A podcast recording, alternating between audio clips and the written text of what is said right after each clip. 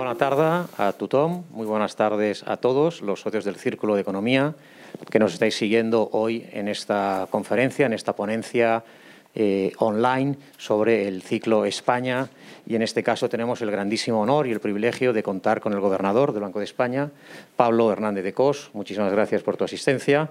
También con Isabel Martínez Cosentino, consejera de Cosentino. Muchísimas gracias. Y también eh, con Xavier Vives, eh, miembro de la Junta Directiva del CERCLA, que nos ayudará a conducir esta sesión, profesor de Economía y Finanzas del IESE y miembro, como digo, de la Junta Directiva. Con anterioridad ya pudimos contar con tu presencia, gobernador, si te acuerdas, hace más de dos años.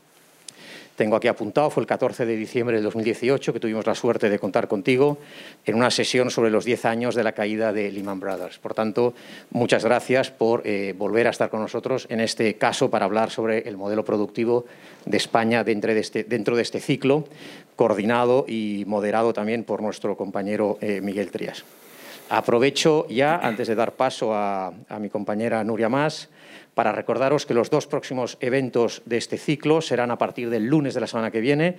Tenemos también el honor de contar con el presidente del Partido Popular y el jefe de la oposición, Pablo Casado, para hablar de los nuevos retos económicos post-pandemia. Y justamente el martes también tenemos el gran privilegio de contar con la presidenta del Congreso, Meritxell Batet, y el catedrático Víctor Lapuente, y moderados también por nuestro eh, compañero de Junta Directiva, eh, Jordi Gual, para hablar sobre el sector público en el incremento de la productividad también de nuestro país. Y sin más, eh, paso la palabra a Nuria Más, consejera del Banco de España y amiga del gobernador, para que nos hagas una breve introducción de, la sesión y ya sin más dilación pasaríamos ya a, a la misma. Muchas gracias. Buenas tardes. Buenas tardes. Es un placer tener aquí a Pablo Hernández de Cos, gobernador del Banco de España y presidente del Comité de Basilea, entre muchas otras cosas.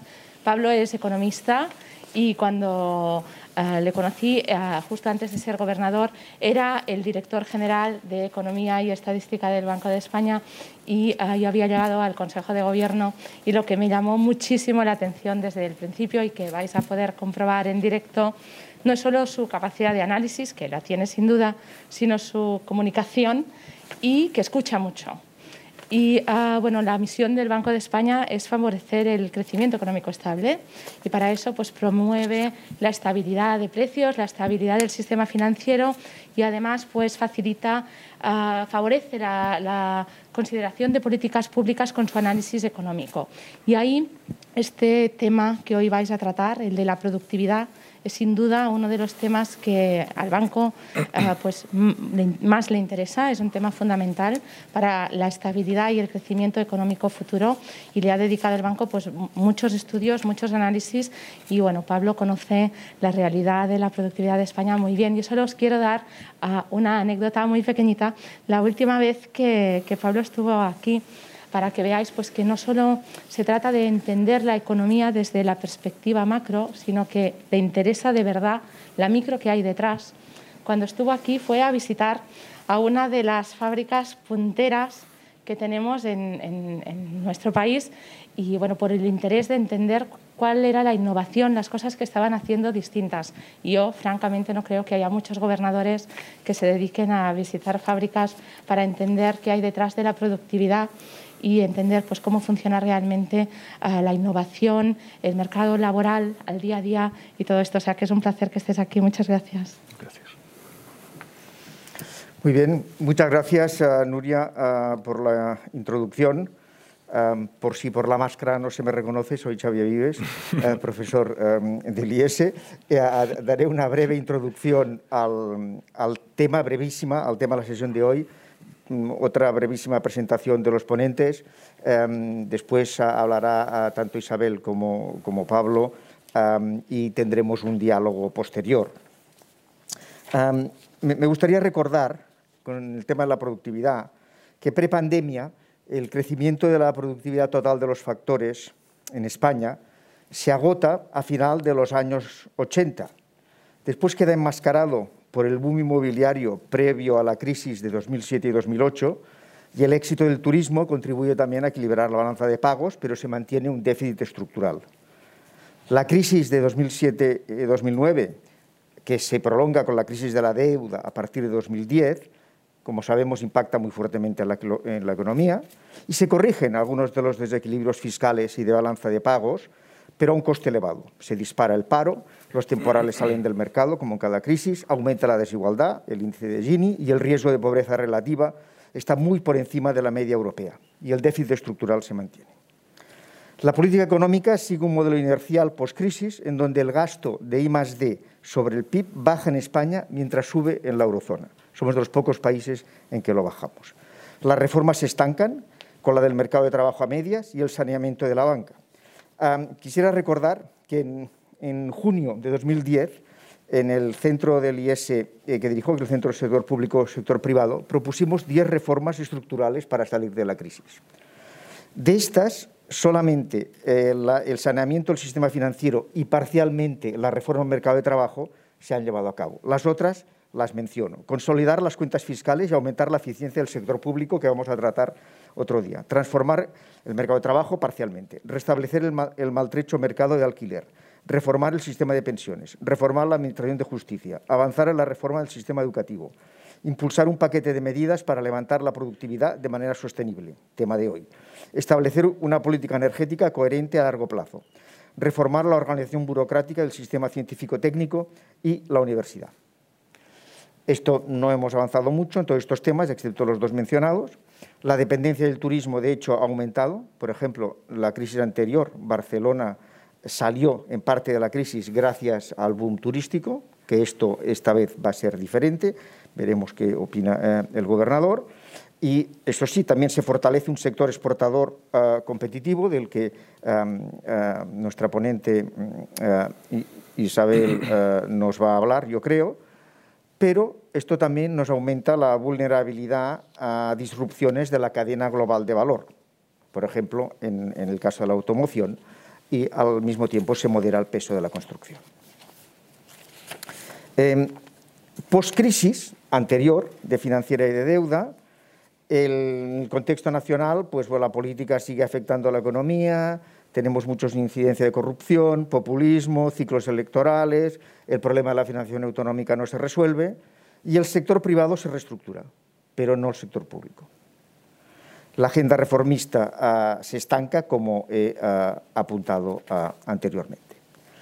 En 2017, en FUNCAS, también una presentación del centro en Madrid, eh, apuntábamos que los vientos de cola que entonces tenía la economía española la ayudaban, el precio del petróleo, los tipos de interés del BCE, el crecimiento mundial, pero que éramos muy vulnerables a un shock externo, alto endeudamiento, déficit estructural, pasivos externos, alto desempleo, sobre todo juvenil, porcentaje de temporalidad elevado, pobreza y exclusión, como hemos dicho anteriormente. Baja productividad, una estructura de pymes bastante anticompetitiva de momento, gran peso del turismo, de la construcción y del inmobiliario y insuficiente esfuerzo en educación y, y más de.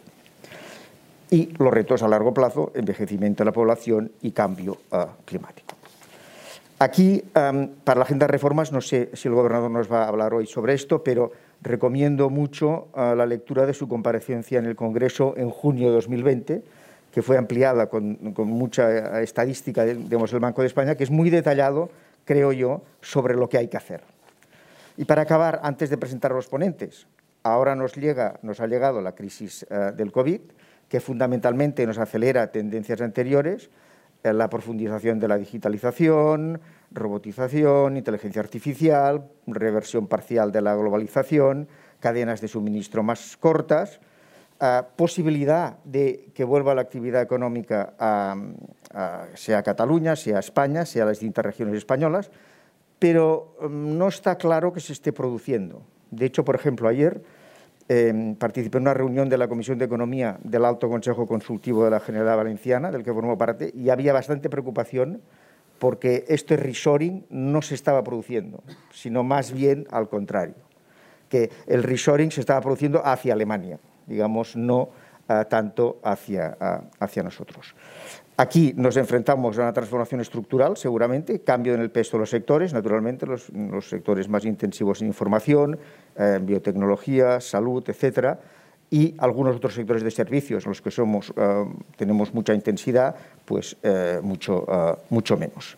Y por tanto, bueno, la, sesión de hoy yo creo que es muy adecuada por la importancia central ¿no? de, elevar la productividad de la economía española. Sin más, presento a los ponentes. Primero tenemos a Isabel Martínez Cosentino, que es licenciada en Administración y Dirección de Empresas y máster de, Business Administration, de en la Universidad de Tulane.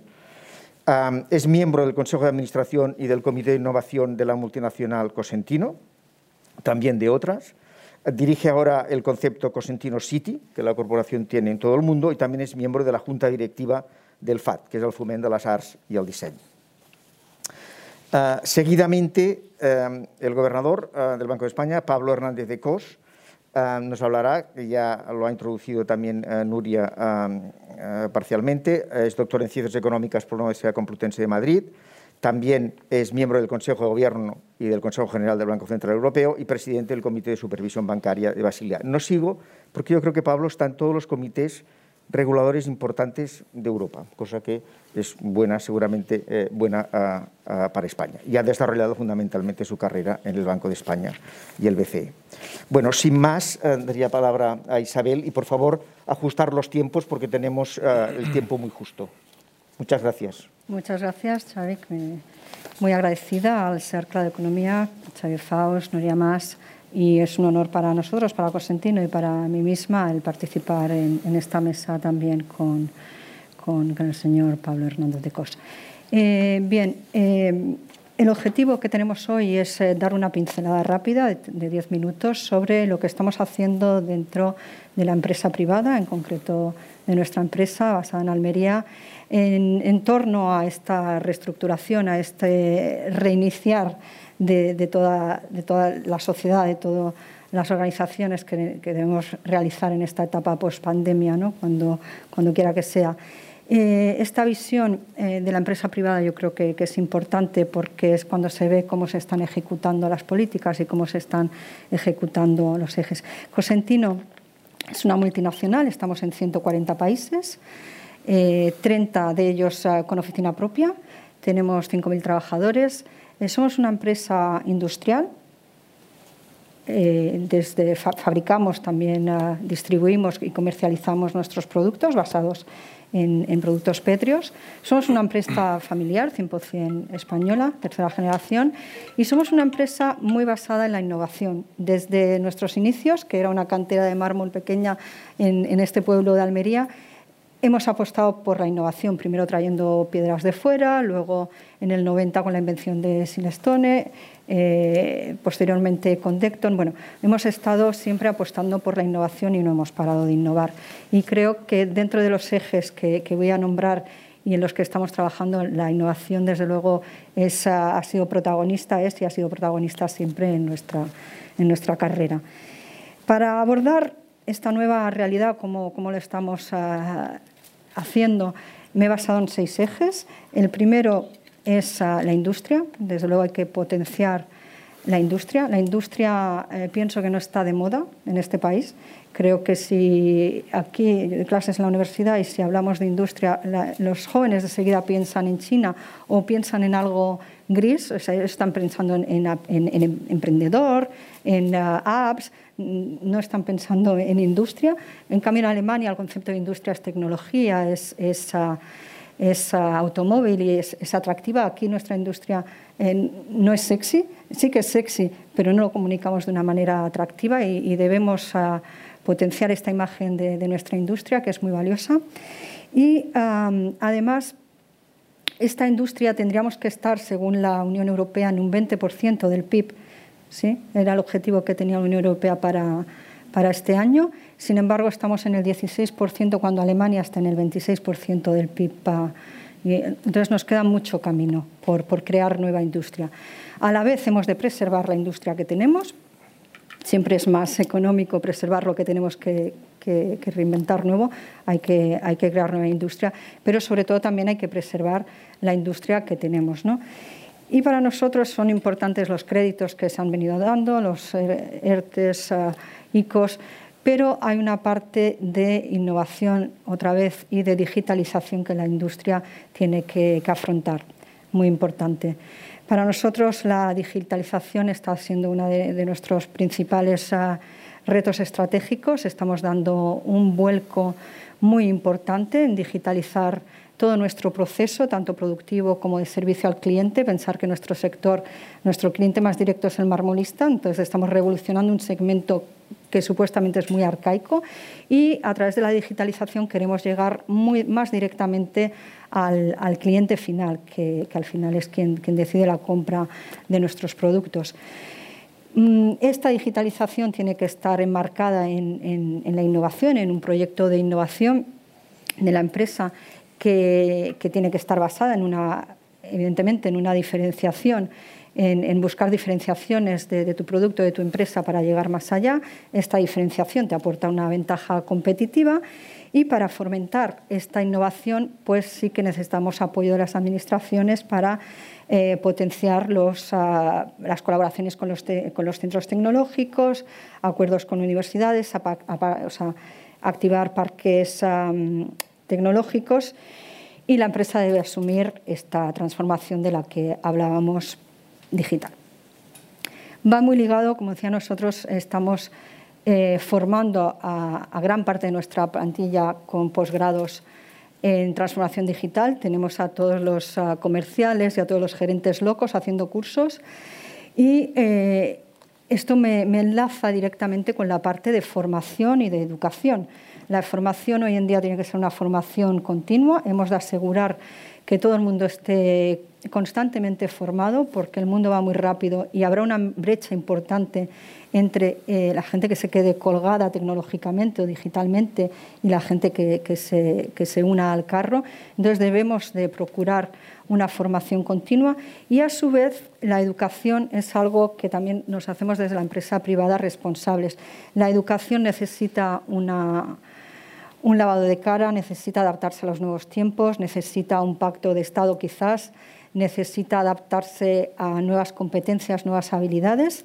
Y desde la empresa privada, estamos, eh, desde Cosentino en concreto, estamos haciendo acciones. Eh, tenemos, por ejemplo, eh, un FP dual que, que dirigimos desde, desde la empresa de mecatrónica, robótica y electrónica eh, jóvenes de la comarca se están formando en nuestras instalaciones. Tenemos dentro un FP Dual, también tenemos colaboración con las universidades de Almería y de Granada para, sus ciclos universitarios de ingeniería y a la vez nuestra fundación, el objetivo de nuestra fundación Evarda Justo es fomentar el talento en los jóvenes y para ello hemos lanzado un máster de innovación en, eh, en educación que están siguiendo 80 profesores de la comarca.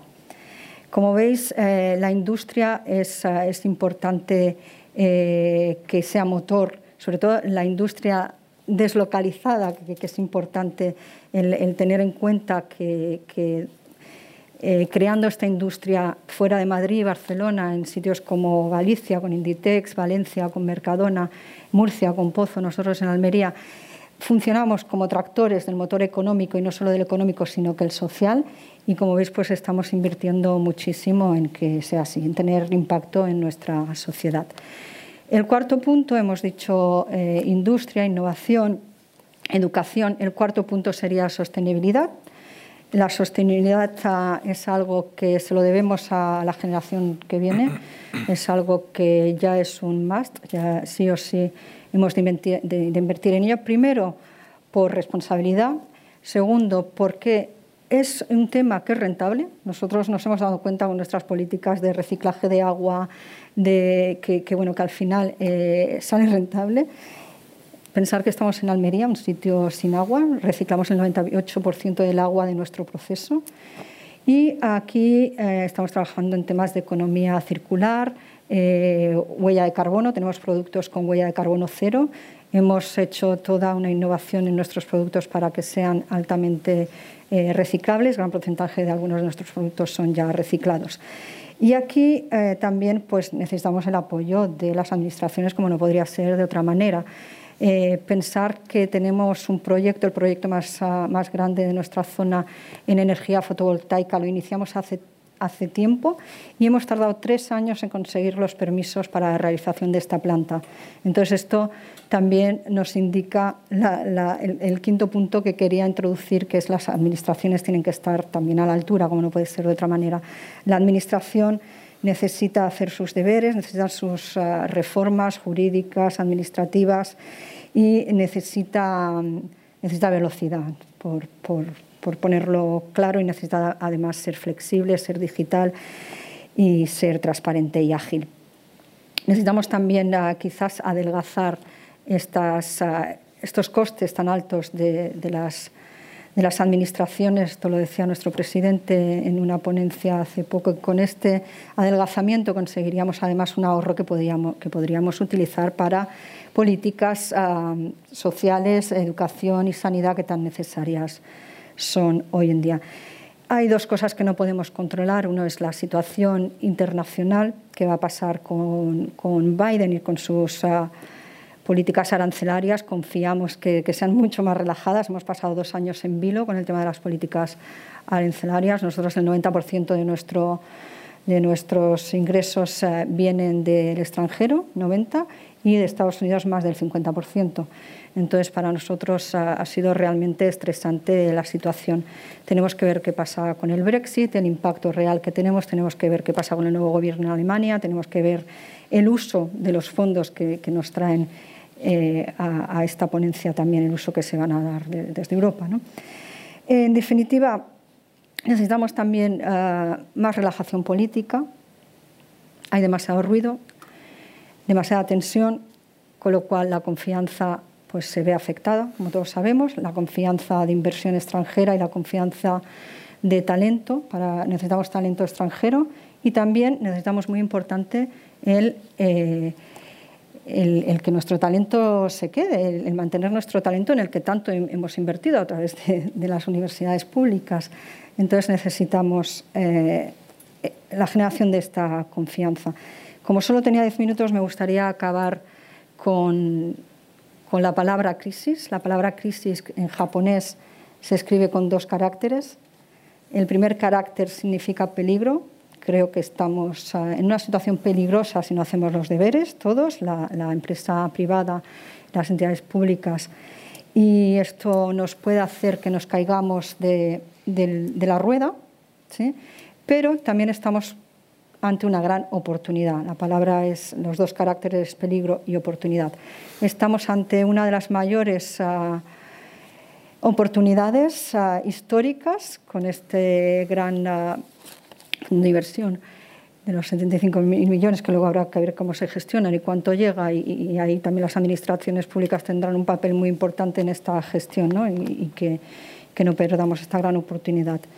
Entonces, uh, esperemos de verdad que, que sepamos aprovechar todos esta gran oportunidad y que 2021 sea un año fabuloso para todos.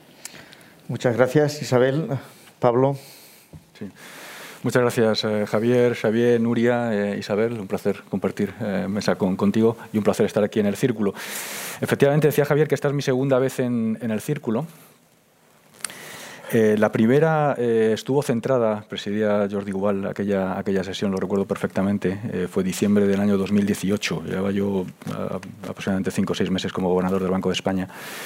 Y el centro de la discusión fue, eh, se habían organizado aquí unas eh, jornadas para bueno, tratar de resumir qué habíamos aprendido y qué habíamos hecho también, diez años después de, la crisis eh, financiera global, ¿no? que, se ilustraba muy bien con, con la caída de Lehman, de Lehman Brothers. pero mucho del énfasis de, aquella discusión, que recuerdo perfectamente, era que cómo debíamos prepararnos para una posible crisis, ¿no? cómo una economía debía ser más, más resistente.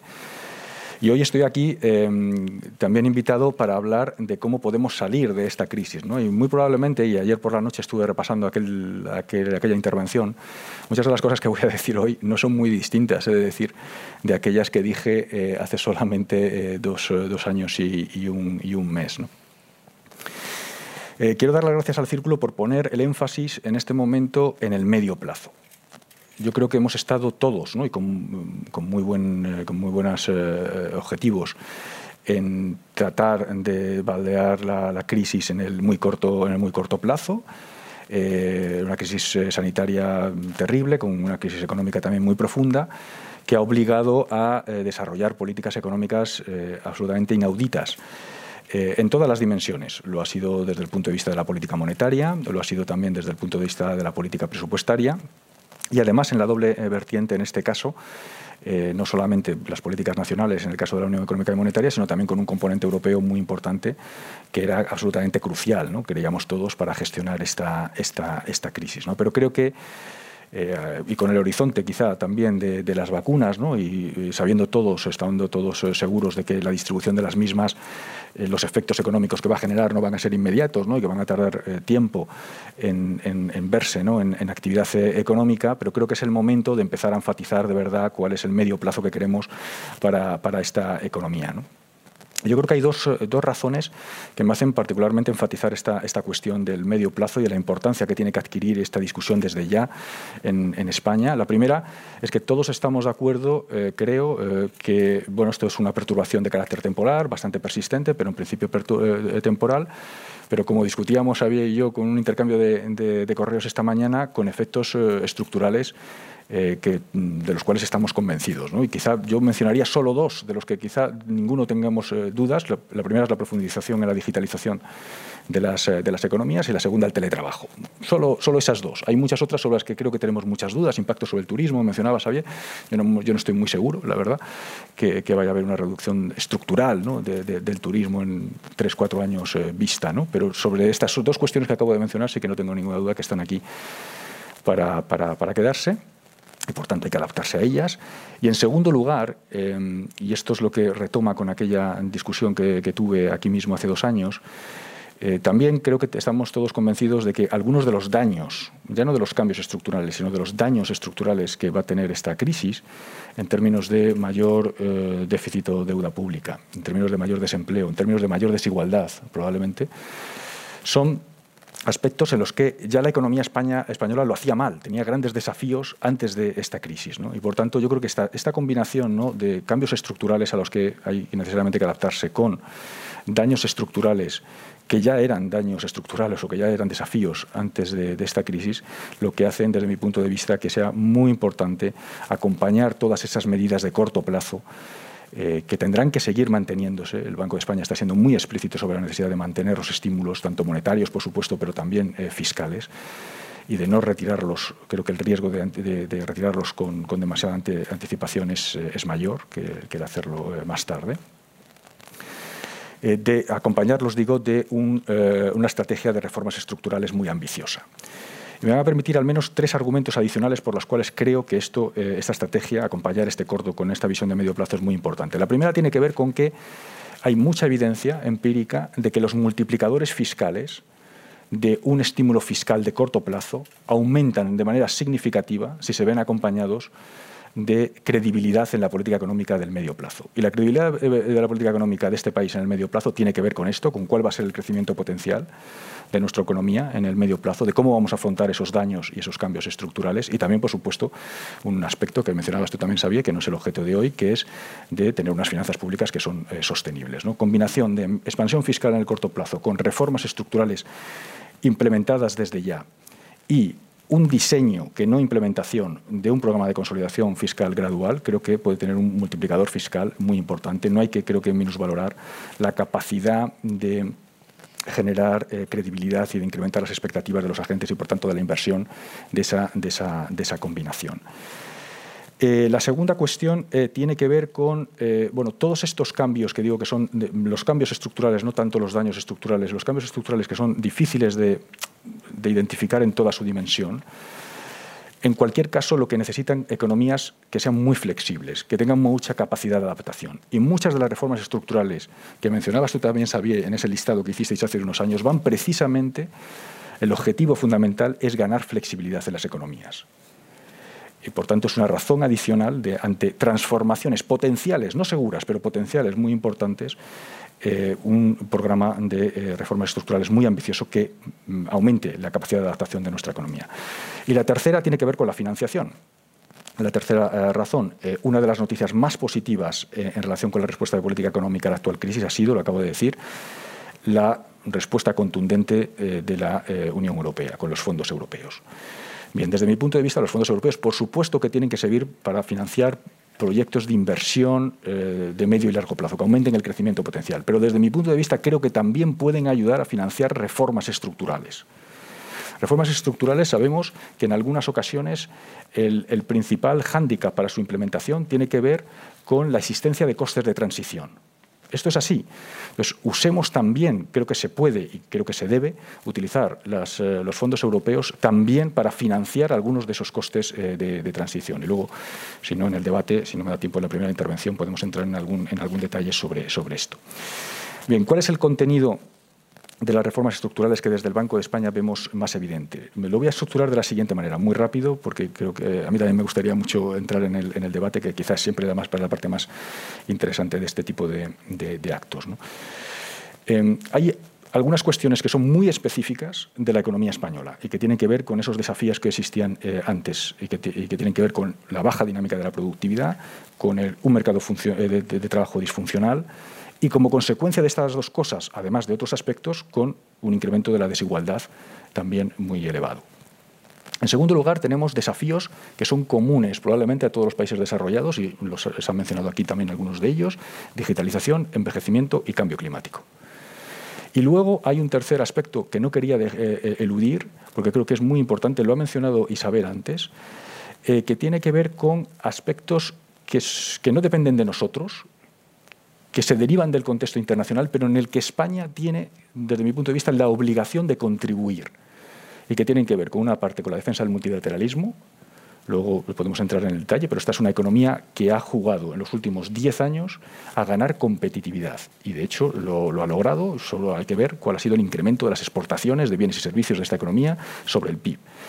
Eso, por supuesto, ha sido muy favorable para el crecimiento económico de este país, lo debe seguir siendo para el futuro, pero es verdad que también nos deja mucho más vulnerables ante shocks de carácter global y, sobre todo, nos hace mucho más vulnerables a posibles tendencias desglobalizadoras como las que hemos percibido, incluso se han enfatizado durante la crisis. ¿no? Isabel, yo creo que ha hecho el punto eh, muy bien, refiriéndose en concreto a Estados, eh, a Estados Unidos, pero creo que no es solamente Estados Unidos, probablemente sea un fenómeno más, eh, más extendido. Y el segundo tiene que ver con Europa. De nuevo, esta es una crisis que, acabo de enfatizar en dos ocasiones ya, y esta es la tercera vez que lo hago, que ha tenido un elemento diferencial muy positivo que ha sido la respuesta europea, pero que al mismo tiempo esa respuesta ha sido una respuesta ad hoc, eh, en la que nos eh, hemos tenido que entrar en una discusión de varios meses para dar esa respuesta tan contundente. Bueno, esto lo que evidencia claramente es que la Unión Económica y Monetaria, a pesar de todas las mejoras de gobernanza que se han producido durante los últimos, eh, los últimos 10 años, sobre todo después de la crisis del euro, eh, pues sigue teniendo algunos elementos, algunos fallos que hay que suplir. Y el primero es una estabilización, un, mecanismo de estabilización macroeconómica de carácter permanente. El segundo tiene que ver el cierre de la unión bancaria con un fondo de, garantía de depósitos eh, común y el tercero, una profundización en la unión de mercado de capitales. Eso también es importante, responsabilidad, por supuesto, de, España, ¿no? de contribuir a ese, debate y, a esa acción eh, de, política, económica. Voy a entrar muy rápidamente, Xavier, eh, en algunos de estos aspectos, eh, quizá empezando por los primeros, los que son más específicos de, España. Eh, Isabel ha, ha, comentado ya muchas cuestiones, con lo cual puedo ser rápido. Yo creo que esto tenemos que partir de tres, diría yo, tres evidencias. La primera, la dinámica de la productividad. La dinámica de la productividad de la economía española es muy pobre. Productividad total de los factores, crecimiento de la productividad total de los factores de esta economía, 0,2% en las dos últimas décadas. Muy por debajo de la media europea, muy por debajo, por supuesto, de países como Alemania o Estados eh, Unidos. Todos sabemos que eh, la productividad total de los factores, la productividad en definitiva, es eh, la variable determinante del crecimiento de largo plazo. Una economía que no tiene productividad no crecerá en el, en el, en el, en el futuro. Además, una cosa importante, no es un problema sectorial. Como Nuria mencionaba al, al principio, el Banco de España ha hecho muchos análisis sobre esta cuestión. La, baja productividad de la economía española es característica de todos, prácticamente todos los sectores. Por supuesto que la composición sectorial no ayuda, pero no es ese el único, el único problema. En segundo lugar, tasa de paro. Tasa de paro muy elevada, 17% de tasa de paro de media desde el año 1980 de esta, de esta economía.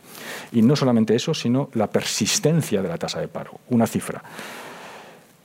Último trimestre del año 2019, antes de que esta crisis económica eh, ni siquiera fuéramos capaces de, anticiparla. El 43% de los empleados que estaban de los trabajadores que estaban desempleados llevaban más de un año buscando empleo. O sea, la persistencia de las situaciones de desempleo, además sabemos por la literatura económica que en términos de lo que, eh, lo que genera en términos de pérdida de capital humano, genera mucha persistencia también en el futuro y también consecuencias muy importantes desde el punto de vista de la desigualdad. Y este es precisamente el tercero de los aspectos. Hemos iniciado esta crisis con mayor desigualdad que en la anterior crisis, y esto está relacionado, no exclusivamente, pero en buena parte, con estas las dos primeras eh, cuestiones que, he subrayado. Y todos sabemos que muy probablemente también esta crisis va a generar más desigualdad, porque las pérdidas de empleo o los sectores, en primer lugar, que se están viendo más afectados y los empleos de esos sectores que se están viendo más afectados son esencialmente de trabajadores con remuneraciones reducidas y con vulnerabilidad financiera elevada una combinación de los datos, digamos, de, salarios por un lado con la encuesta financiera de las familias del Banco de España, uno llega a ese tipo de, conclusiones. Y digo que estas tres cosas están interrelacionadas porque creo que es imposible eh, pensar en una mejora de la mm, desigualdad de la igualdad, por tanto, de la, la, sociedad, si en paralelo no se produce una mejora de la productividad y una reducción del desempleo. Y el mejor ejemplo es un incremento de la productividad generaría incrementos salariales sostenibles en el futuro y también una mejora de la calidad de los empleos e incluso, por supuesto, una mejor financiación de las políticas públicas, ¿no? una reducción, en definitiva, del déficit público. ¿Qué tenemos que hacer para mejorar la dinámica, la dinámica de la productividad? Y aquí voy a ser eh, telegráfico.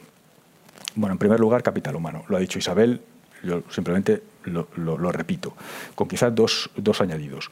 España tiene un problema de eh, abandono escolar, muy importante, les voy a dar solo dos, nombres, eh, dos, números, el 32% de los hombres y el 23% de las mujeres habían abandonado el sistema educativo eh, entre 25 y 29 años, habían abandonado el sistema educativo formal, habiendo completado como máximo educación secundaria obligatoria. Esos números para la Unión Europea son 17 y 14%. En segundo lugar, más allá del abandono escolar temprano, la tasa de paro de los universitarios españoles es el doble de la de la de Unión Europea, de la del área del euro. También es menor el porcentaje de universitarios españoles que trabajan en puestos de elevada cualificación. Y por último, también las competencias académicas básicas de los universitarios, cuando se comparan en los exámenes de, PISA, por ejemplo, pues son, sobre todo en matemáticas, por cierto, son particularmente reducidas. También en esto la crisis no ha ayudado. Sabemos que la, ausencia de clases presenciales eh, en las peores semanas eh, de, la, pandemia eh, no son un sustituto de las clases virtuales perfecto de las mismas y además son, generan de nuevo fuente de desigualdad porque las familias no están en la misma situación para suplir lo que son las clases presenciales. Cuidado con este efecto, que también hay alguna evidencia empírica para, el Reino Unido, de que puede generar bastante persistencia en la desigualdad en el futuro. Por tanto, hay que reformar, lo decía también eh, Isabel, el sistema educativo en un contexto en el que además tenemos un fenómeno de automatización de las tareas, progreso tecnológico, que lo hace, si quiere, todavía mucho más necesario. Segundo, capital tecnológico. Tenemos una brecha de capital tecnológico en esta economía brutal. Menos empresas que innovan y el gasto público y sobre todo privado en I+D es significativamente más bajo que en la media eh, europea. Y aquí es una cuestión también en la que yo creo que le concedo mucha importancia a la financiación, a la financiación pública, lo decía también eh, Isabel desde el punto de vista de cómo podían ayudar a la innovación de las, de las empresas. Em, pero, por supuesto, no es solamente una cuestión de financiación, también yo lo que es el sistema de innovación español eh, tiene que reformarse para que tenga los incentivos adecuados y también la eficiencia adecuada. Tercera gran cuestión, entorno, competencia y dinamismo empresarial. Y aquí hay varias, eh, todos sabemos, hay muchísima literatura eh, económica, que esto es absolutamente fundamental para la productividad, tener un entorno competitivo. Eh, ¿qué, no funciona en, en este caso en la economía española? Bueno, tenemos empresas muy pequeñas, y además es en las empresas, en las pymes, donde la productividad media es más baja, significativamente más baja que en las otras pymes de otros países, y sin embargo tenemos un conjunto de regulaciones que básicamente están hechas para defender la posición de las, de las, de las pymes, pero que muy probablemente, tenemos alguna evidencia también sobre esto en el Banco de España, impiden o ralentizan su crecimiento. Bueno, hay que, que garantizar que ese apoyo al, probablemente necesario a las pequeñas y medianas empresas no supone un desincentivo al crecimiento de las mismas. Esta es una cuestión absolutamente crucial. También, en términos regulatorios, Cuando uno se compara los indicadores de regulación que publica, por ejemplo, la OCDE, encuentra distintas dimensiones en las que España no lo hace particularmente bien. Creación de empresas, trámites de creación de empresas, regulación de determinados servicios, algunos, eh, sectores del transporte, comercio minorista, servicios profesionales, unidad de mercado, estamos hablando de un entorno globalizado, pues evidentemente las economías de escala, las trabas tienen que no existir entre países, no pueden existir evidentemente entre comunidades autónomas. Y también tenemos alguna evidencia de que esto está suponiendo un problema la falta de unidad de, mercado dentro del país, por supuesto, eh, nos hemos referido antes a, nivel internacional. Una cuestión importante, que además creo que es particularmente eh, este, importante en este contexto, tiene que ver con la reforma de los concursos de acreedores y de insolvencias. Tenemos un sistema que, de nuevo, compara mal, eh, es relativamente ineficiente con el, de otros, con el de otros países. Y básicamente lo que necesitamos es un procedimiento que sea ágil y que sea simplificado. Y esto por dos razones. En primer lugar, porque tenemos que hacer posible que empresas, por ejemplo, en la situación actual, que se han endeudado mucho, pero que son viables en términos de que su proyecto empresarial era viable antes y una vez transcurrida la pandemia puede ser viable con posterioridad, que se produzca una reestructuración de esa deuda de una manera eficiente. Los, mecanismos que tenemos ahora mismo no son los adecuados para hacer esto de una manera ágil. Con lo cual, la probabilidad de que se acaben encontrando en, situación de inviabilidad es muy alta. Y en, segundo, en segunda cuestión, también tenemos que, me vais a permitir la expresión, destruir empresas de una manera eficiente. Es decir, no se trata esto de mantener a empresas zombies dentro del mercado. los procedimientos son muy largos y hay que, hay que ser ágiles también cuando identificamos que una empresa no es viable, pues en, que desaparezca del mercado, también porque queremos preservar hasta cierto punto la parte de los activos de esa empresa que tiene un cierto valor. ¿no? y que, mm, bueno, sobre todo teniendo en cuenta que una parte de los créditos en esta ocasión está avalada por el sector público, pues tratar de recuperar de alguna manera algo de, de, ese, de, ese, de ese, aval pues sería, sería importante. Cuarta cuestión en relación con productividad, y ya paso directamente al mercado de, trabajo temporalidad. Sí, porque deberíamos ir al, diálogo. Sí, acabo. Tasa de temporalidad de la economía española 25% eh, en, las, eh, en, la última década, 14% de la Unión Económica Monetaria. La tasa de temporalidad, el efecto sobre la productividad, está, la evidencia es amplísima. Las empresas no invierten en, los trabajadores temporales y, por supuesto, los trabajadores temporales no ganan acumulación de experiencia en el puesto, en el puesto de, trabajo. De nuevo, aquí lo he dicho varias veces en el Congreso, hay que ser valientes. Este es un problema que llevamos de varias décadas enfatizando los economistas. Hay distintas soluciones. el punto fundamental que los economistas enfatizamos tiene que ver con la discontinuidad en la protección de trabajadores frente a de temporales frente a fijos, bueno, pues actuemos sobre esa discontinuidad, ¿no? con coste, de despido crecientes, como, eh, como han eh, eh, defendido muchos, muchos economistas. Sobre tasa de paro y persistencia de la tasa de paro, también lo ha dicho Isabel, formación continua y políticas activas de empleo. Es absolutamente, tenemos países además que lo hacen muy bien, a los que podemos copiar, sobre todo los nórdicos, la capacidad de activación de esos, eh, de esos países es, muy, es muy alta. Y sobre las otras eh, cuestiones, muy de puntillas, solo dos o tres comentarios. Digitalización de la economía, por supuesto. Solo déjeme decirle que hay alguna evidencia de que, por ejemplo, el teletrabajo puede no ser inocuo en términos de productividad. O sea, puede generar reducciones de productividad y hay que trabajar también sobre la formación de los trabajadores que teletrabajan si no queremos que esa pérdida de productividad se produzca. En segundo lugar, comercio electrónico, que, quizás sea otra de las grandes cambios estructurales que parece que se van a producir. Creo que hay que analizar bien cuáles son las consecuencias sobre la competencia y sobre la dinámica de los precios de, esos, de, esos, eh, de esas dinámicas. Economía más sostenible, mi punto es aquí que la política fiscal es absolutamente crucial, tanto desde el punto de vista de incentivar eh, a través de inversión las eh, actividades verdes, pero quizás todavía más importante de desincentivar las marrones ¿no? a través, de, a través de, impuestos óptimamente homogenizados y armonizados a nivel internacional. Y, por supuesto, envejecimiento poblacional eh, que por supuesto nos fijamos mucho y con buen criterio en las consecuencias que puede tener sobre las finanzas públicas, pero quizá enfatizamos menos las consecuencias del envejecimiento poblacional, las potenciales, sobre la productividad. Y solamente todos sabemos que hay una evidencia, y es que la participación de los trabajadores en el mercado laboral se reduce significativamente a partir de una determinada edad. Bueno, en un contexto en el que la tasa de dependencia y el porcentaje de trabajadores que, van a encontrarse en esas edades en las que las tasas de participación se reducen mucho, pues evidentemente, de nuevo, formación continua, lo volví a decir eh, Isabel, es absolutamente, eh, es absolutamente eh, crucial. Una razón más para poner el centro del debate en educación, formación. Y con esto quizá acabaría, sabía, porque las últimas dos cuestiones, eh, digamos, eh, internacionales que he mencionado, Unión Económica y Monetaria y globalización, que no dependen, lo decía también Isabel, eh, de, nosotros solos, pero a las que sí creo que tenemos la obligación de contribuir, las he mencionado creo que en suficiente detalle al, principio. Muchas Perfecto, muchas gracias, muy interesante. Em, tengo algunas preguntas, hay una pregunta también de la, de la audiencia. empezaría a contigo, gobernador, con, dos preguntas. Una, aunque mm, el foco lo tengamos en el medio plazo, me parece que hay una pregunta de corto plazo importante y quisiera empezar con esta. Em, ¿Se ha gastado demasiado o demasiado poco en paliar los efectos de la crisis en España? Lo digo porque si miramos las ayudas directas a las empresas, España está a la cola de la Unión Europea, parece. ¿no? Por ejemplo, la Cámara de Comercio de Barcelona ha cifrado, leído recientemente, en 3.800 millones de euros las ayudas necesarias para compensar la mitad de las pérdidas de las últimas medidas de la Generalitat en comercio y restauración solamente. Y claro, y lo que piensa dar es una pequeñísima parte de esto. Eh, este es un ejemplo. Eh, ¿Cómo lo ves esto? ¿Debería España acudir al MEDE para financiar estas ayudas a empresas que están obligadas a cerrar por la pandemia? Hmm.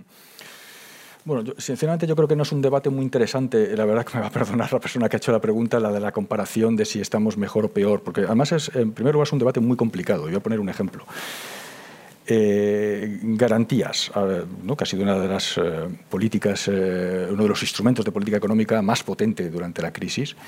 Pues en principio, cuando uno compara los volúmenes iniciales de los programas del ICO de, de, la economía española, e incluso quizá las características, ¿no? el porcentaje de aval público que había en esos programas con, por ejemplo, el que diseñó eh, el gobierno alemán, pues le podría parecer que era escaso. ¿no? porque las cuantías eran mucho más altas en el caso alemán y además la garantía era del 100%, mientras que aquí eran más reducidas. Sin embargo, la utilización de los mismos ha sido mucho mayor. Y pasa lo mismo en la comparación con, con Italia. ¿no? Yo creo que el, análisis fino de esa comparación es realmente muy complejo. Yo lo que sí tengo una opinión, la he expresado en distintas ocasiones, incluso hoy al principio de, de, mi intervención, es sobre que yo creo que esta es una crisis que requiere una política fiscal muy contundente y que requiere una política fiscal muy contundente todavía hoy. Eh, yo siempre lo ponía en estos términos, teníamos, tenemos, es un shock temporal, insisto, mm, probablemente más duradero de lo que inicialmente eh, pensábamos y de lo que se trata es de mm, preservar lo máximo posible intacto el tejido productivo, el tejido productivo que teníamos eh, antes del estado de, la, de, alarma en marzo, pues cuando salgamos de esta, situación que esté lo más intacto posible.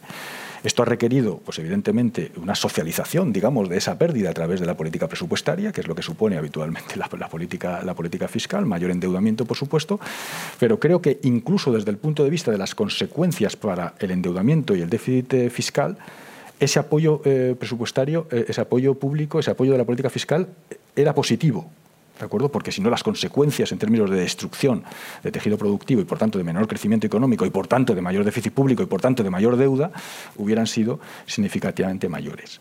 Creo que hay que preservar ese, ese, ese, impulso, ese impulso fiscal, quizá con el matiz de que a lo mejor los instrumentos ahora tienen que cambiar. Y de nuevo voy a poner el ejemplo de la financiación. Eh, la línea de, de, de financiación de, del ICO ha sido absolutamente fundamental, como acabo de, de, decir, pero nos encontramos en una situación ocho o nueve meses después en la que las empresas, que, aquellas que hemos logrado que sobrevivan, pues se encuentran mucho más endeudadas. Entonces, la, financiación de las posibles dificultades financieras que puedan tener en los próximos meses probablemente no tenga sentido seguir acumulando endeudamiento para esas empresas que dificulte o las acabe poniendo en situación de insolvencia. ¿no? Y tenemos que pensar más en capitalizaciones directas o incluso en subvenciones directas de las, eh, de las, eh, de las empresas. ¿no? O sea, a lo mejor hay que cambiar el énfasis de los, eh, de los, de los instrumentos. ¿no? Pero yo, digamos, no, no pondría tanto énfasis en la comparación internacional. Yo creo que la justificación es, todos, yo creo que teníamos claro que esta una, una, una, crisis que necesitaba una respuesta muy contundente de la política fiscal y creo que sigue siendo, creo que sigue siendo el caso. Muchas gracias. Em, eh, esta es más de medio plazo em, y que discutíamos, de hecho, también en, la Junta, diversos eh, miembros de la Junta estaban preocupados por este tema. Em, eh, la pandemia hará que se acumule un nivel de deuda muy importante en España, ya, ya se está acumulando, ya se ve. y aquí hay dos, bueno, hay, diversas derivadas, ¿no? la primera que es un poco naif, digamos, es por qué importa el nivel de deuda cuando el dinero es gratis. Digamos, ¿no? y ahora el dinero ¿no? es muy, ¿no? digamos, vas al banco a dar dinero y no lo quieren, ¿no? digamos. Em, se ha acabado, digamos, la austeridad como virtud, ¿no? Em, al mismo tiempo, sabemos que España es vulnerable porque tiene mucha deuda en manos extranjeras, por ejemplo, en contraste con Italia, por su posición financiera ah, neta, y por tanto, ¿qué puede pasar? ¿no? Ah, tú has hablado ah, en diversas ocasiones de diseñar un plan de consolidación fiscal cuando se recupere la economía, lo demande Bruselas. Aquí tenemos una pregunta concreta de José Manuel González Páramo, que es miembro de la Junta del, Círculo, en este sentido, ¿eh? te la leo. Hoy la prima de riesgo española está en el 0,60%, pese a que el déficit público está en niveles récord y se espera que sea muy elevado también en 21 y 22. El Banco de España ha pedido públicamente un plan de consolidación fiscal para poner en marcha una vez se inicie la recuperación. Eh, ¿Puedes dar más indicaciones o indicaciones más precisas del perfil de este plan para minimizar el riesgo de elevación sustancial del coste de la financiación de la economía española? Sí, no, muchas gracias y, muchas gracias a José Manuel. Eh, em, por, la, por la pregunta. Em, no, vamos a ver, relacionando toda la combinación de, temas que, ha suscitado Xavier ¿no? con, la pregunta, vamos a ver, es verdad que estamos en, un, eh, en, una situación macroeconómica general antes de la crisis, ¿no? Em, que es lo que los economistas llamamos de un, niveles de tipos de interés naturales eh, más bajos, ¿de acuerdo? Y esto eh, tiene que ver, está relacionado con algunas de las cuestiones que acabamos de mencionar, es decir, que la demografía, el envejecimiento poblacional, la baja productividad, esto genera en sí mismo, ¿no? Son, dos factores que los economistas han enfatizado como causantes de esos tipos de interés más, eh, más bajos. Eh, y, explican buena parte pues, que los bancos centrales hayamos tenido, el Banco Central Europeo en particular, pues hayamos digamos, eh, eh, tenido que recurrir a mm, instrumentos no convencionales de política monetaria ¿no? para eh, reactivar a las, a las, a las economías ¿no? y conseguir nuestros objetivos de, de, inflación. Ahora bien, y eso tiene algunas consecuencias, ese tipo de interés más bajo tiene algunas consecuencias también sobre la sostenibilidad de la deuda pública, y es que hace mm, que la sostenibilidad, dado un determinado crecimiento económico potencial, esto es muy importante, eh, hace que niveles más elevados de eh, deuda pública sean eh, sostenibles, ¿de acuerdo? Pero la dinámica de la deuda pública, una deuda pública creciente, desde luego que sigue siendo un foco de preocupación, ¿de acuerdo? Y que, por tanto, lo, defendemos desde luego desde el Banco de, España, al mismo tiempo que defendemos que la, correcta actuación de la política económica en este momento y durante los próximos meses tiene que seguir siendo una expansión fiscal muy contundente, pues creemos que esto va a tener que ser seguido con posterioridad de un programa de consolidación fiscal, que en nuestro caso además no es una cuestión solo de deuda pública, podemos acabar eh, esta crisis con un nivel de deuda pública en el entorno de 120 puntos de, PIB, sino que ya partíamos de un flujo, ya no del, stock, sino de un flujo, el déficit público estructural de la economía española en, en el año 19 era de 3 puntos porcentuales. Y por, supuesto esta crisis no va a ayudar a mejorar ese déficit estructural, más bien, eh, más bien al, contrario. ¿no?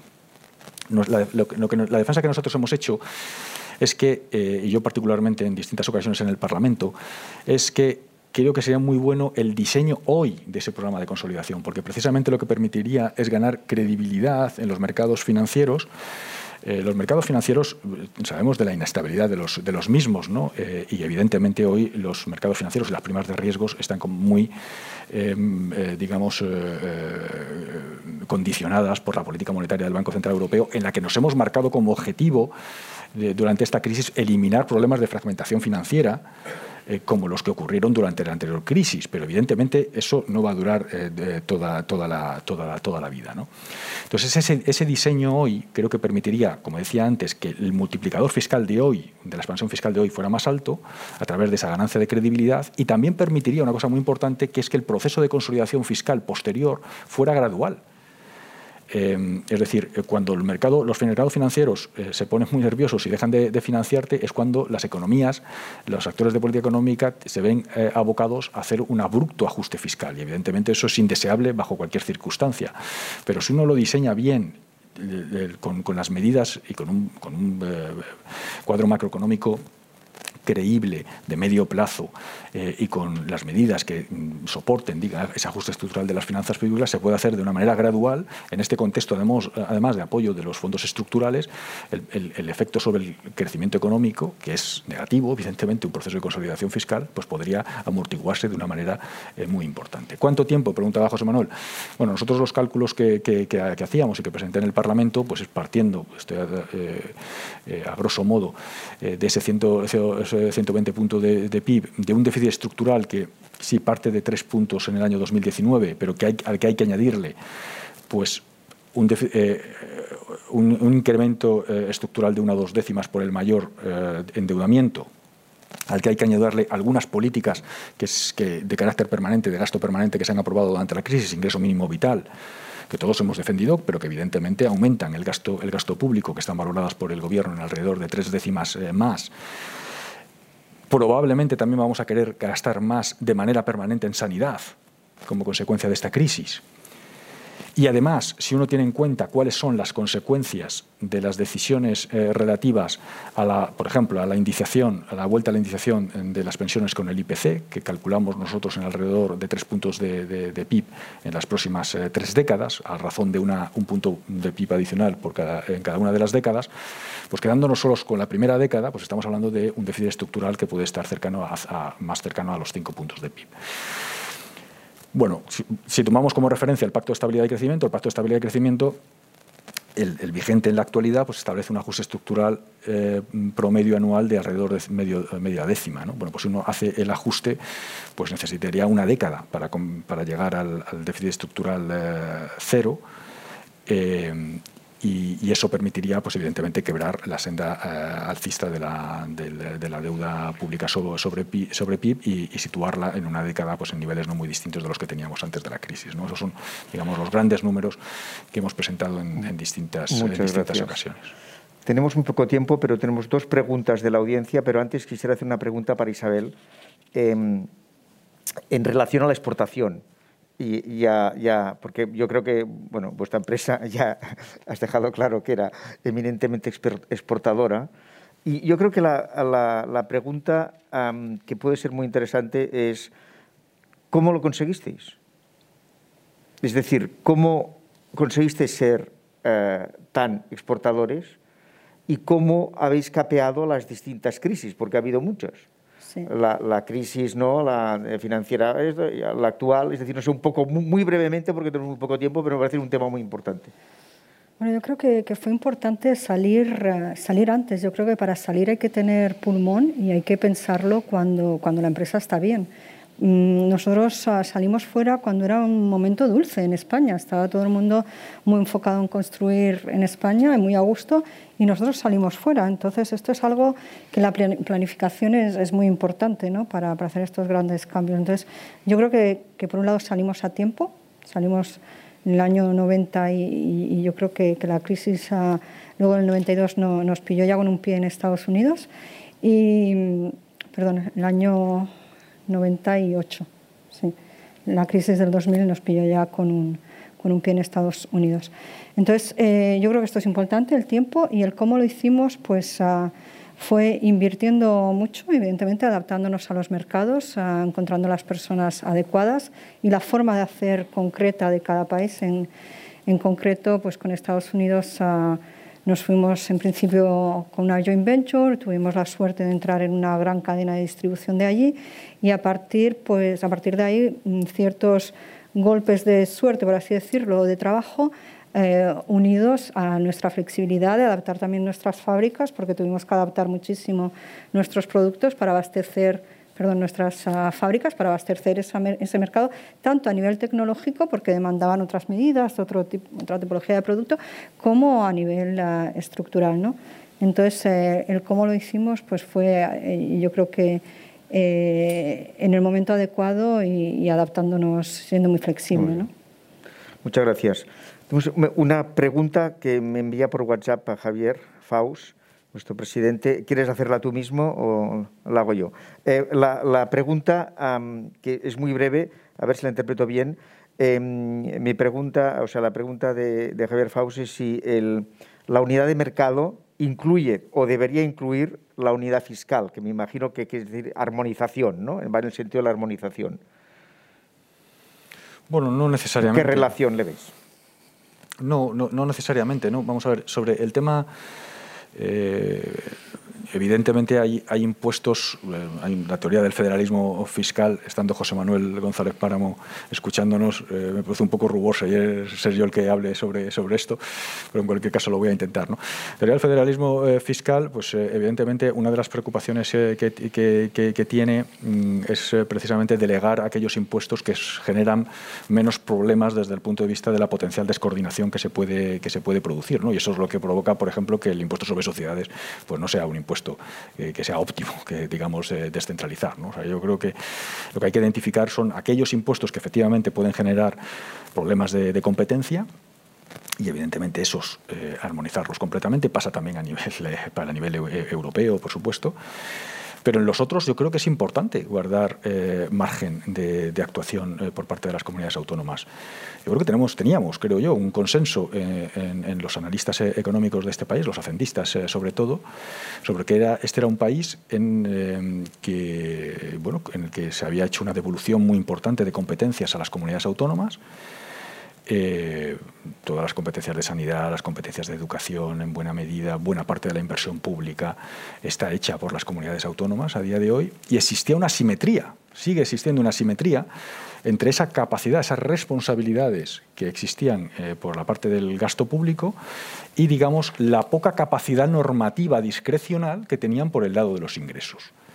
Y que sería deseable aumentar eh, esa, capacidad eh, eh, normativa para que precisamente también los ciudadanos percibieran la ligazón entre lo que es el, gasto público y la financiación de, los, de los mismos, y no tuviéramos problemas de free riding, entre, entre, otras, entre otras cuestiones. O sea que no, no creo que, que, hay que combinar estas dos cuestiones. ¿no? Hay determinados impuestos que efectivamente puede ser peligroso desde el punto de vista de la unidad de mercado descentralizarlos, y, claramente no hay que descentralizarlos, pero hay otros en el que eh, el margen eh, discrecional por parte de las comunidades autónomas no solamente es posible, sino que además es deseable desde el punto de vista, digamos, de la, de la, de la optimalidad, ¿no? de, de, la combinación de unas capacidades muy altas en gasto público con, con ahora mismo niveles de discrecionalidad en, en los ingresos muy, muy reducidas. Gracias. Ah, Jordi Igual. Gracias, gobernador, por la excelente presentación, como es habitual. Y mi pregunta tiene que ver con, ah, enlazando con la que antes decía Xavier de la discusión ayer en la Junta Directiva. Se preguntaba un ilustre miembro de la Junta cómo se iba a pagar este aumento de deuda. Y, y, bueno, en la discusión salieron varias maneras de pagarlo. La primera es la inflación y siendo como es el euro una moneda que no controla España, y estando tú en el, órgano de gobierno del BCE, ya sabemos que no va a ser la inflación.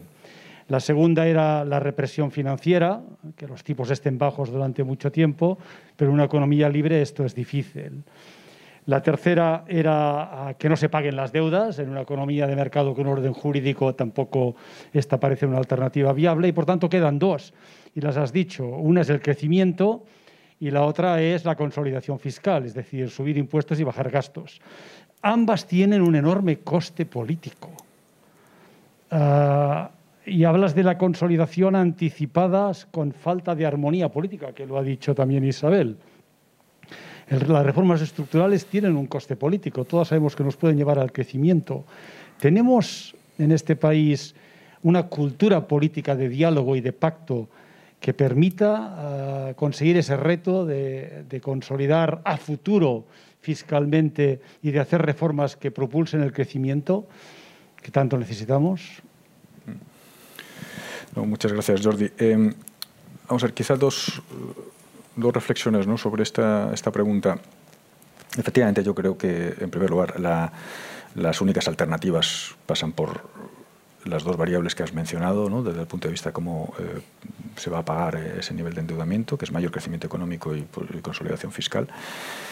Decías, eh, Jordi, que mm, las reformas que hay que hacer para mejorar el crecimiento potencial de la economía o para consolidar las eh, finanzas públicas no son muy populares y que por tanto son de difícil implementación.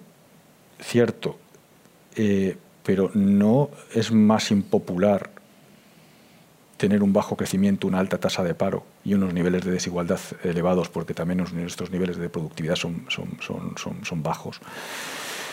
Estas son, quizá hace falta un poco de didáctica, ¿no? sobre, sobre todo en particular en, relación con, con, eh, con, con, las reformas estructurales para el crecimiento eh, económico. ¿no? ¿Cuáles son los costes de la inacción en términos de tasa de paro, de persistencia de tasa de paro, de temporalidad.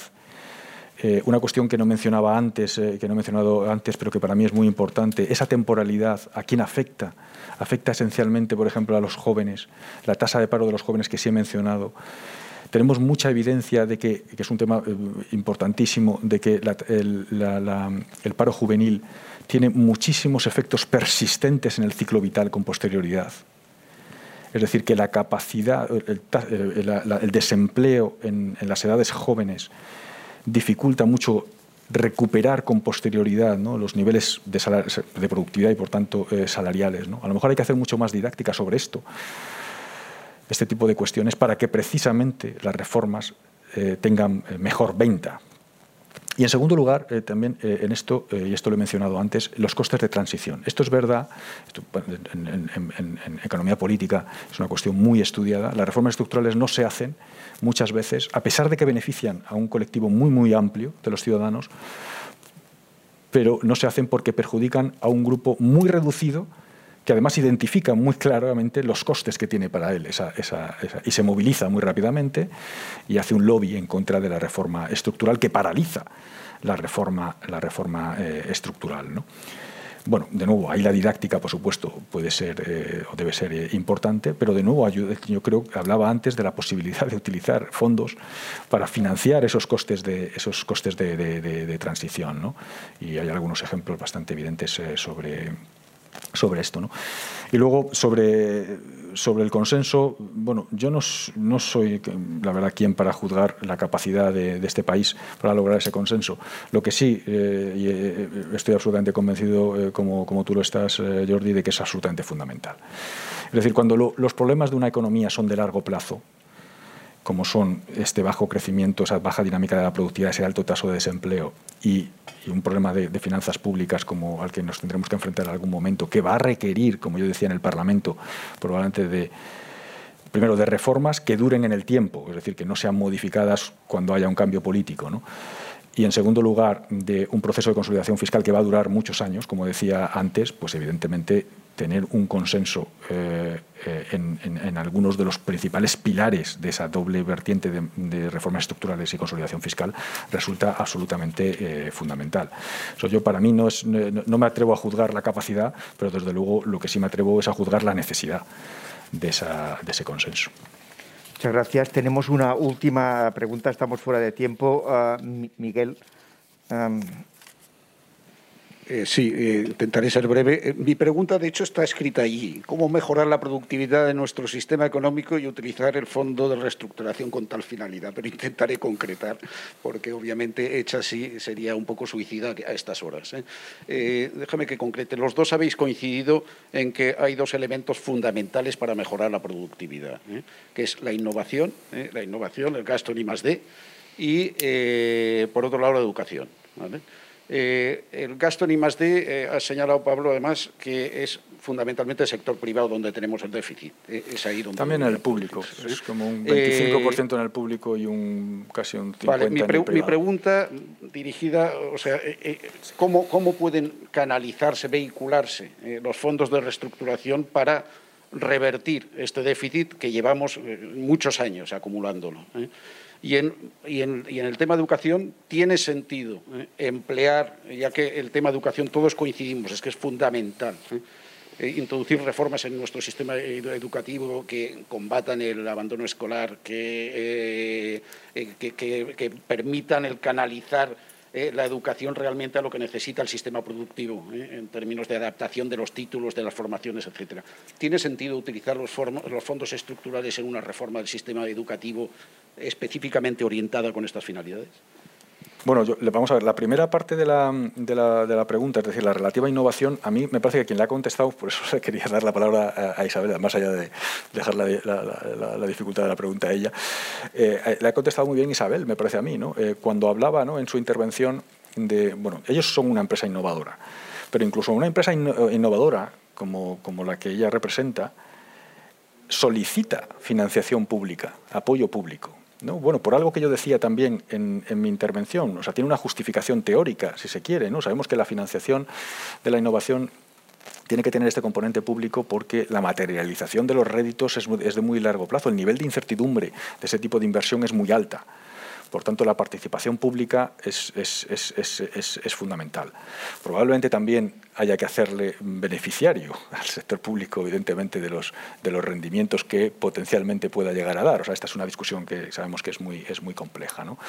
De nuevo, y, creo que corresponde también eh, a, la segunda, la segunda parte. ¿no? Esta parte, esta, este, que creo que no ha salido eh, más allá de en la intervención de Isabel eh, y que creo que es muy, muy importante, es la, la, combinación de sector privado y sector público, ¿no? también para el uso de los, de los, de los fondos. creo que es absolutamente fundamental para verdaderamente que sean utilizados en proyectos que realmente sean generen beneficios de medio y largo plazo para la economía eh, eh, española. La identificación de esos, eh, de esos, de esos proyectos muy probablemente la va a hacer mejor el sector privado. Otra cosa es que, por supuesto, si hay una parte de financiación pública, pues tiene que haber un, mecanismo de gobernanza de utilización de los fondos muy, muy transparente y con una rendición de cuentas post también muy, muy clara, por supuesto, ¿no? para evitar cualquier tipo de problema. ¿Quieres añadir algo, Isabel? Bueno, lo que, lo que ya he comentado, que es, básico, ¿no? la, conjunción público-privada tiene que estar ahí. Eh, nosotros, por ejemplo, con el tema de la colaboración con las universidades, necesitamos evidentemente de ellos. Con el tema de, de la formación profesional que hemos traído a la empresa, necesitamos de ello y tiene que ser un compromiso conjunto, siempre. Totalmente. Muchas gracias. Eh, Isabel y Pablo, eh, yo me quedo, antes de pasar la palabra a Javier Faust para que cierre el acto, que mm, necesitamos reformas con consenso y que los fondos europeos quizá podrían ayudar a, estos, aliviar estos costes de transición eh, que tienen las reformas. Muchísimas gracias. Gracias, Xavier, por moderar el, debate. Muchas gracias, Isabel. Muy inspiradora tu intervención. Te felicito a ti y a, todo tu grupo. Muchas felicidades. Y Pablo, pues siempre es un placer tenerte. Te seguimos muy de cerca en esta casa desde hace dos años y un mes. Eh, hemos seguido muy de cerca tu intervención en el Congreso de los Diputados en el mes de junio y, también pues, eh, muchas de las recetas las compartimos en esta casa, las debatimos profundamente la última ayer en nuestra Junta Directiva y, en fin, eh, muchos ánimos que continúes dando estas recetas que creo que son tan necesarias. Desde el Círculo de Economía seguiremos pensando en el medio y largo plazo. Sabemos que, lo, que lo, la urgencia eh, social, económica, eh, sanitaria es actual, es a corto plazo, pero no dejamos, no renunciamos desde el Círculo de Economía a pensar en propuestas a medio y largo plazo. ¿eh? Estás invitado, esta es tu casa, haremos, si podemos, unas jornadas en el 2021 en la que también te invitaremos y, de nuevo, muchísimas felicidades y muchas gracias. Gracias, muchas gracias.